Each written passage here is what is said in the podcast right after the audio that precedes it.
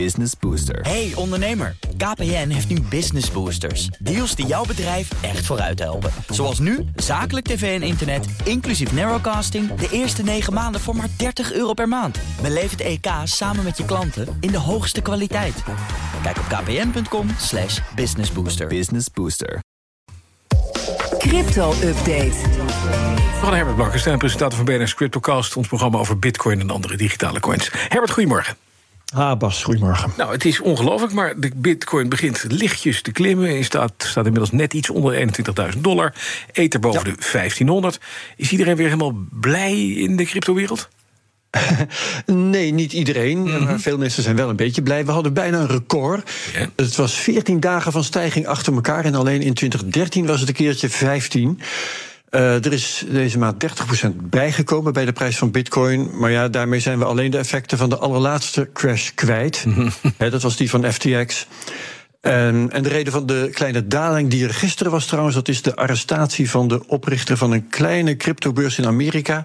Bitslato. Oh ja. En dat was vanwege malversaties van 700 miljoen dollar. Die beurs is ook gesloten. Ja. Dus eh, ja, eh, eh, een paar dingen zijn leuk... maar er is nog van alles aan de hand. Ja, er zitten met name de baasjes van dat soort eh crypto-clubjes. Eh, Deze meneer heette ook weer Olog Lovlotsky, weet ik veel. Het is een Rus. Een uh, Russische-achtige... Ja, en die, die staat dan weer ook achter een, een, een, webshop, dark web en noem maar op. Het is allemaal, ja, hallo. Eh, Nu hebben we het andere verhaal weer. Mogelijk een faillissement van Genesis. Hè. Dat was al een beetje wat boven de markt hing. Met hartelijk dank ook aan de gebroeders eh, eh, Winkelvos. Ja, ja eh, de effecten van een mogelijk faillissement van Genesis zouden ingeprijsd kunnen zijn. Dus ik weet niet of dat heel veel effect gaat hebben. Maar inderdaad, daar is het nodig aan de hand. Eh, Genesis en Gemini allebei krijgen nu de Securities and Exchange Commission achter zich aan. Want illegaal aanbieden van effect, dat eh, renteprogramma, daarvan zegt de SEC: hey, dus een belegging moet je registreren, moet aan eisen voldoen. En dat is niet het geval. Ehm, DCG, Digital Currency Group, dat is het moederbedrijf van Genesis, heeft intussen de dividendbetalingen stopgezet, want die krijgen er ook last van zo langzamerhand. Dus ja, eh, het is zeker niet overal feest en Nee. ehm, het eh, blijft nog even spannend. Ja, en dat Bitfavo, dat Nederlandse bedrijf wat exposed is... wat eerst eerder gezegd heeft van nou, wij zijn goed... en we zijn ook goed voor ons geld. Eh, wat nu dit steeds verder gaat, wordt dat niet een, een heikel dingetje?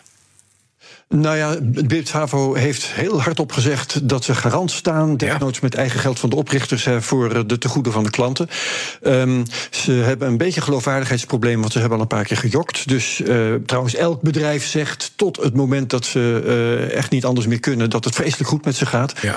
Dus ja, nee, je moet wat dat betreft eh, ehm, eh, duimen. Mhm. Maar vooralsnog moeten we maar ervan uitgaan dat Bitfavo goed is voor zijn geld en dat die garantie er inderdaad is. Maar de- keus hebben we niet wat dat betreft. Nee, dat is, dat is waar. Over nog even over FTX, want dat is de achterliggende eh, ellende natuurlijk. Want in het congres in Amerika hebben 198 afgevaardigden... een beetje een rood hoofd, want die namen geld aan van FTX. Hoe zit dat? Ja, nou ja, het is legaal dat bedrijven donaties doen aan politici. ehm, maar er zitten haken en ogen aan hier. Coindesk heeft dat uitgezocht. Ehm, sommige campagnes hebben meer gekregen dan het wettelijk maximum dat één bedrijf mag geven per verkiezing. En dat is 2900 dollar. Eh, ja, en te veel hebben sommigen alweer teruggestort, maar zeker niet allemaal. Dus eh, er, eh, ja, daar wordt nog geharward. Mhm. Je kan ook zeggen dat het is, het is gewoon gestolen geld wat, wat gebruikt is. Hè? Dat wisten ze misschien niet op dat moment. Maar en, en eigenlijk moet je dan gewoon alles teruggeven aan de, mensen die gedupeerd zijn. Ja, eh, in vergelijkbare gevallen, eh, denk aan de Ponzi-fraude van Bernie Madoff, Ja, moest inderdaad alles worden terugbetaald wat mensen of organisaties van de fraudeur hadden gekregen. Eh, dat gold ook als ze te goede trouw waren geweest. Ehm, en en daar wordt het dan in dit geval ingewikkeld en ook wel een beetje komisch, want sommige politici die hebben dat geld al uitgegeven. Hè, verkiezingen, tv-spots, reclame op sociale media, of wat je dan ook betaalt met campagnegeld. En anderen hebben het eh, nu er uh, geharrewar is. Het, uh, de donaties van FTX voor de zekerheid maar aan een goed doel gegeven. Maar um, dat verandert niet het recht van de curator om dat gewoon terug te eisen. Ja, dat precies. je het al uitgegeven hebt, niks mee te maken. Mm -hmm. uh, er zijn ook politici in Amerika die willen het graag terugbetalen, maar weten niet hoe. Want zoals je weet, de hele financiële structuur van FTX was een puinhoop en is ja. dat eigenlijk nog wel. Uh, soms waren het bijvoorbeeld gewoon persoonlijke betalingen van FTX-medewerkers aan die politici. Dus hoe dit opgelost moet worden, dat weet helemaal nog niemand. Ja, nog eventjes eh, naar, naar deze. Want eh, eh, Apple met een, eh, en, zijn, en zijn bril, zijn augmented en virtual reality bril... Ja. is weer uitgesteld, hè?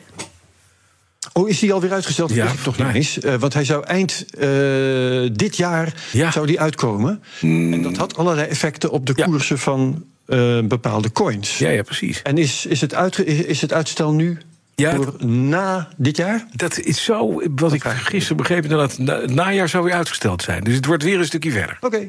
Oké, Fijn en nou, dat is belangrijk. grappig, want ja, allerlei eh, koersen van eh, vage coins waren gigantisch opgelopen. Ja. Decentraland bijvoorbeeld, dat is een game waarin je rondloopt met een 3D-bril op. Mhm. En eh, die hebben een coin en die was 80% gestegen... naar aanleiding van het bericht van Bloomberg... Ja. dat die bril van Apple eind eh, van dit jaar eh, in de winkels zou liggen. Mhm. Nou, ze waren al begonnen met zakken. Dat zullen ze dan intussen nog wel sterker gedaan hebben... op grond van het bericht dat het nu weer is uitgesteld. Ja, duidelijk. Dankjewel. Herbert Blakkenstein, nog eventjes... wat heb je in de CryptoCast deze week? Eh, Jesse de Wit, hij is programmeur en gespecialiseerd in het Lightning Network.